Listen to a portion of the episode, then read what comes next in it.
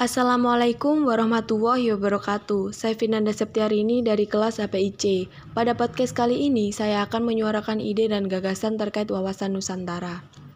Pancasila sebagai ideologi negara bukan saja menjadi sumber hukum utama dalam setiap aspek pemerintahan, tapi juga bisa diaplikasikan ke dalam keseharian, salah satunya dengan mencintai produk dalam negeri. Mencintai produk dalam negeri merupakan ideologi nasionalisme yang terdapat dalam nilai sila ketiga Pancasila, yaitu Persatuan Indonesia.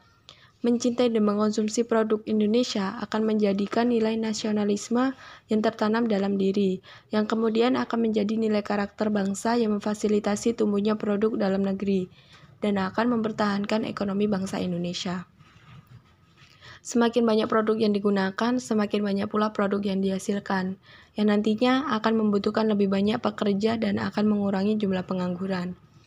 Berbagai dampak positif dapat diambil dari mencintai produk dalam negeri, seperti meningkatkan kecintaan masyarakat terhadap tanah air, meningkatkan kesejahteraan rakyat, meningkatkan kualitas produk, memperluas lapangan pekerjaan, dan dapat meningkatkan pendapat negara. Sebagai anak bangsa Indonesia harus mampu mencintai produk dalam negeri agar tidak selamanya dijajah oleh negara lain.